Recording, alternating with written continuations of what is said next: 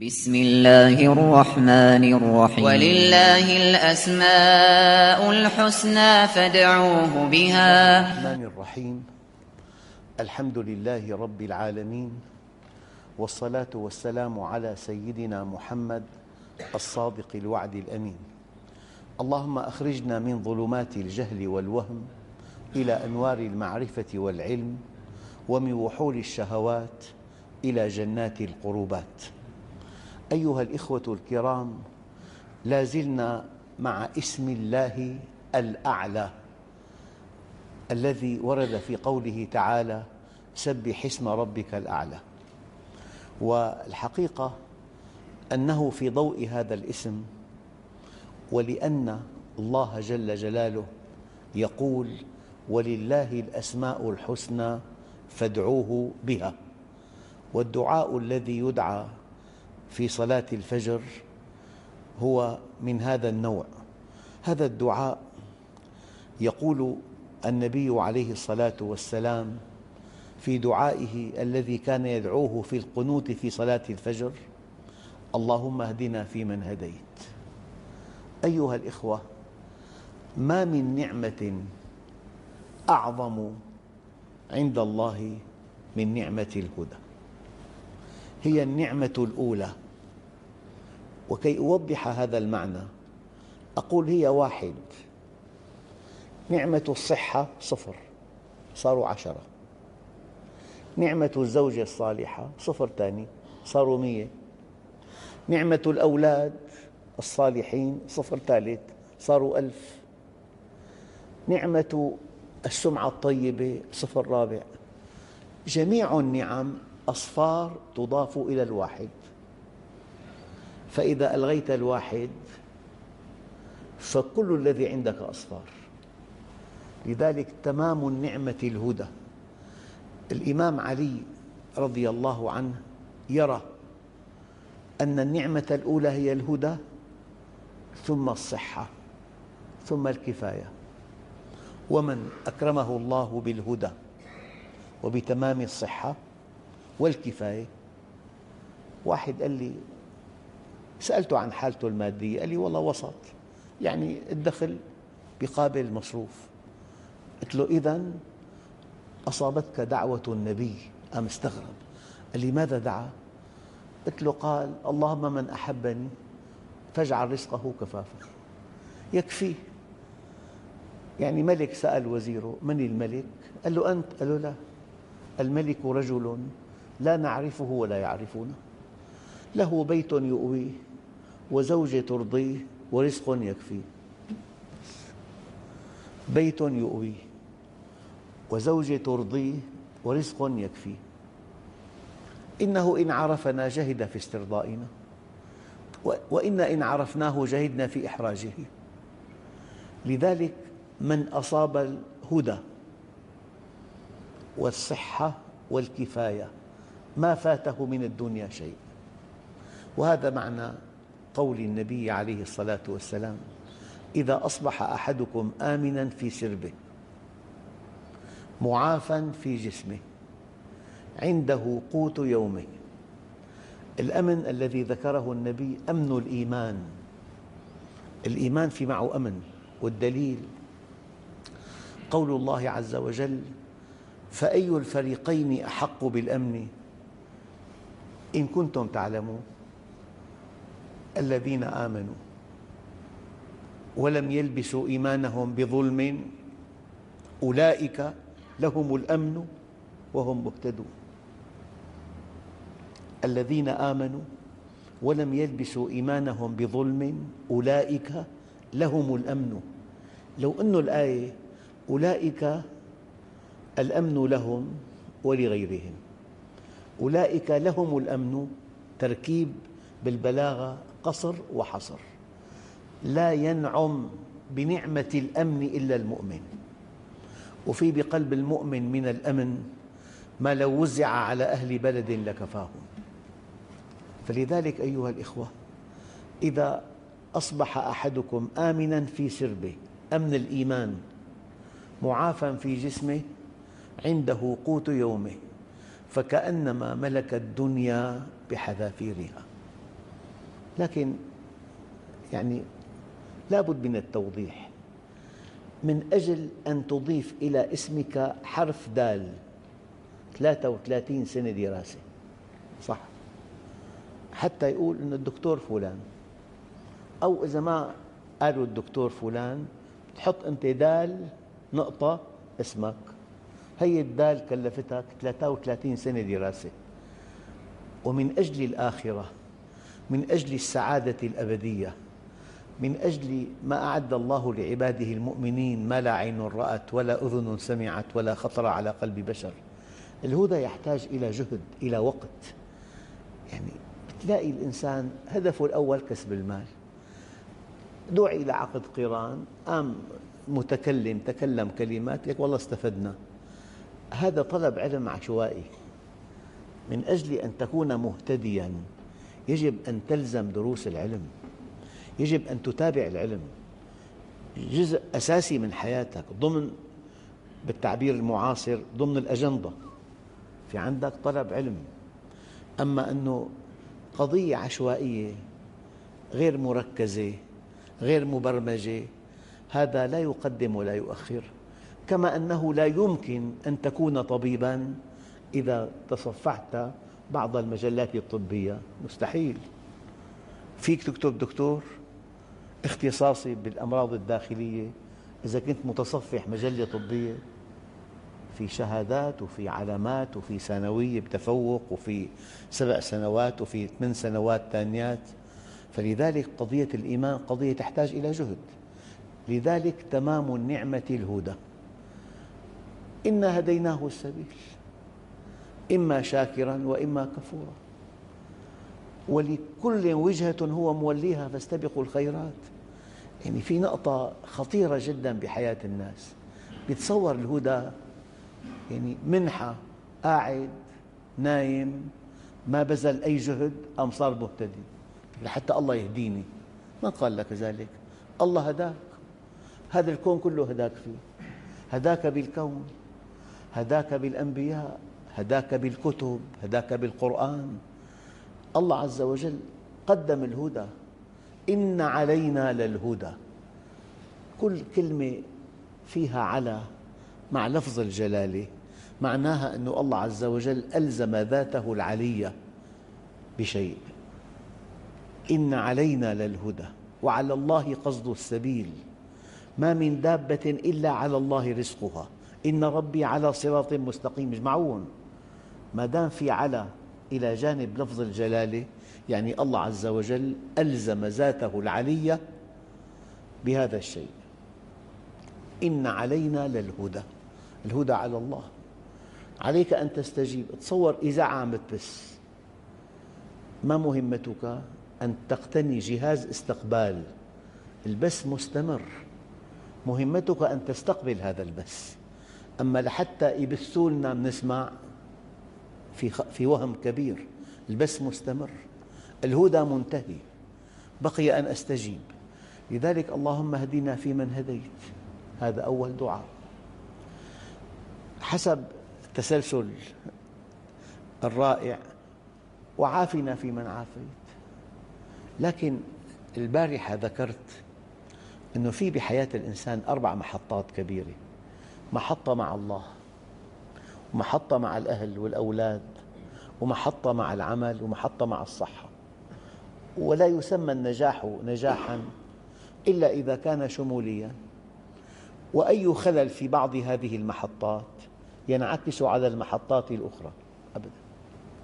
فإذا واحد علاقته مع الله سيئة كيف؟ في عنده شبهات مو واضحة شبهات معلقة بالعقيدة. وفي عنده شهوات معلقة بالسلوك. فأكبر آفتين يهزان علاقتك مع الله. شبهة لم تتضح لك. اسأل يا أخي. الله عز وجل قال فاسألوا أهل الذكر إن كنتم لا تعلمون. اسأل. يقول لك الغرب كفر وفسق وفجور وانحراف وشذوذ وزواج مثلي وتبادل زوجات وخمور ومخدرات وأقوياء. وأغنياء ويتصدرون الشاشات ويقهرون الشعوب والشعوب من زلزال إلى فيضان إلى قهر إلى اجتياح. هي شبهة كبيرة عنده فالذي يفسد علاقتك مع الله الشبهات الشبهات متعلقة بالعقيدة. لكل شبهة جواب مفحم. طبعا جواب هالقضية هي واحد معه ورم خبيث منتشر وسأل الطبيب ماذا آكل؟ قال له كل ما شئت. واحد معه التهاب معدة حاد أمل الشفاء بالمئة تسعة وتسعين بس يحتاج إلى حمية. فإذا كان نحن من نوع التهاب المعدة وفي علينا شدة شديدة جدا لأنه الشفاء محتمل مطلوب نحن بألف نعمة. والباقون في ألف نقمة. الله قال فلما نسوا ما ذكروا به فتحنا عليهم أبواب كل شيء. حتى إذا فرحوا بما أوتوا أخذناهم بغتة. فإذا في شبهة هذه تعرقل العلاقة مع الله. أو في شهوة محرمة الله عز وجل قال يوم لا ينفع مال ولا بنون إلا من أتى الله بقلب سليم. ما القلب السليم؟ القلب الذي لا يشتهي شهوة لا ترضي الله.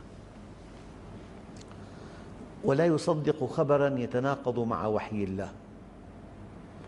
ولا يحتكم إلا لشرع الله ولا يعبد إلا الله. هذا أكبر إنجاز تحققه في الدنيا. قلب سليم يوم لا ينفع مال بيل عنده تسعين مليار وشاب هو مو كبير تسعين مليار دولار. يوم لا ينفع مال ولا بنون إلا من أتى الله بقلب سليم. قلب سلم من شهوة لا ترضي الله وسلم من تصديق خبر يتناقض مع وحي الله وسلم من عبادة غير الله وسلم من تحكيم غير شرع الله. تلاقي وحدة محجبة ببلاد الغرب تختلف مع زوجها ترفع أمرها لقاضي غربي لماذا؟ ليحكم لها بنصف أملاك زوجها. وهي مسلمة. لو رفعت أمرها إلى قاضي في مركز إسلامي لحكم لها بالمهر فقط. فلمجرد أن تحتكم لغير شرع الله فأنت ليس لك قلب سليم ويوم لا ينفع مال ولا بنون إلا من أتى الله بقلب سليم. لذلك اللهم اهدنا فيمن هديت وعافنا فيمن عافيت. فعندنا أربع محطات. محطة علاقتك مع الله. راجع الشبهات والشهوات. ولاحظ بيتك في مخالفات خروج بناتك يتوافقوا مع شرع الله خروج زوجتك بالبيت في معاصي وآثام في غيبة ونميمة في تبذل في عورات مكشوفة. لاحظ عملك في مادة محرمة بيعها في بضاعتك بالمحل التجاري بضائع لا ترضي الله عز وجل. اللي مطلوبة. شو هي مطلوبة؟ آية لما حديث. مطلوبة. وإذا مطلوبة؟ إذا محرمة يجب أن تلغيها. لاحظ نفسك وبيتك وعملك. هل أنت مقيم للإسلام؟ عقيدتك سليمة؟ السلوك سليم؟ العبادات سليمة؟ الآن بيتك في مخالفة في معصية؟ البنات الزوجة آه، اللقاءات في لقاءات مختلطة مثلا في أشياء لا ترضي الله في أجهزة تفسد الأخلاق أنت مش ساهل فيها مثلا. عملك في بضاعة محرمة؟ لا ما في الحمد لله. في تعامل محرم؟ في مخالفات في البيع والشراء؟ فأنت مهمتك أن تضبط الإسلام في نفسك. وفي عملك وفي بيتك. وانتهت مهمتك. هذه المحطة الأولى. المحطة الثانية علاقتك مع أهلك.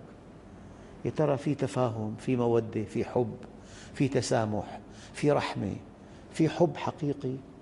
النبي الكريم يقول الحمد لله الذي رزقني حب عائشة. هذه حليلتك وزوجتك وأم أولادك. هل تحبها؟ ينبغي أن تحبها لا أن تحب غيرها. وبالمناسبة الشيطان له مهمة أولى إفساد العلاقة بين الزوجين. مهمة الشيطان الأولى أن تكره زوجتك وأن تحب غيرها. ممن لا تحل لك. فلذلك اللهم اهدنا فيمن هديت وعافنا فيمن عافيت. المحطة الأولى علاقتك بالله.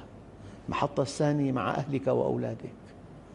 يعني بشكل مختصر بطولة الأب أن يكون العيد إذا دخل إلى البيت والأب السيء العيد إذا خرج من البيت هل يتمنى أهلك بقاؤك في البيت؟ أو هل يتمنون حياتك؟ إذا أب بخيل جدا وأصابه مرض وجاءوا بالطبيب وقال لهم القضية سهلة بينزعجوا كثير شو سهلة؟ نتمنى هذه قاضية ما قاضية؟ نتمناها أن تكون القاضية. فما ممكن مؤمن ما تكون علاقته مع أولاده طيبة مؤمن. يجب أن تكون علاقتك مع أهلك وأولادك عالية جدا. علاقة حب علاقة ود. أنا والله الشيء الذي لا أصدقه. كيف يدخل القضاء بين زوجين؟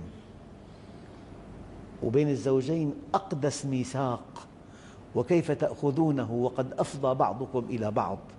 أقدس علاقة بين اثنين بين الزوجين.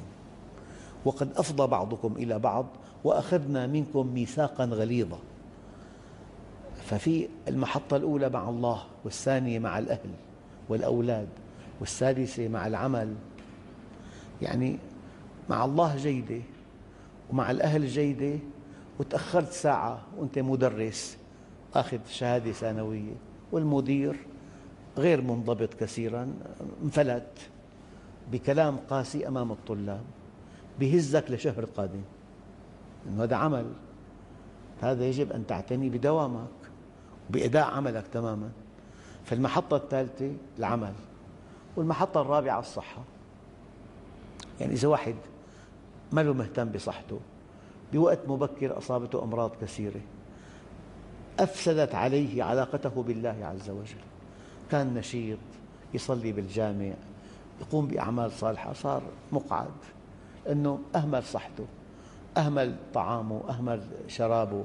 ما اعتنى بما يدخل إلى جوفه ما اعتنى بما يخرج منه من كلام. فلذلك أيها الإخوة أربع محطات لا يعد النجاح نجاحا إلا إذا غطاها جميعا. نجاح جزئي ما في تنجح ببيتك وتخفق بعملك ليس نجاحا. تنجح بعملك لا تنجح في بيتك ليس نجاحا. تنجح بعملك وبيتك ومع الله العلاقة غير طيبة ليس نجاحا. تنجح بثلاثة وصحتك تعبانة كثير هذا مو نجاح. فلا بد من متابعة النجاح في هذه المحطات الأربعة لأن أي خلل في واحدة منها ينسحب على المحطات الثلاثة. اللهم اهدنا فيمن هديت وعافنا فيمن عافيت وتولنا. والله أيها الإخوة المؤمن الصادق يشعر بجبر حينما يتابعه الله عز وجل. أخطأ بعث له مشكلة ما من عثرة ولا اختلاج عرق ولا خدش عود إلا بما قدمت أيديكم. بتكون عند الله بأعلى مستوى لما تشعر أنه يتابعك يتابعك.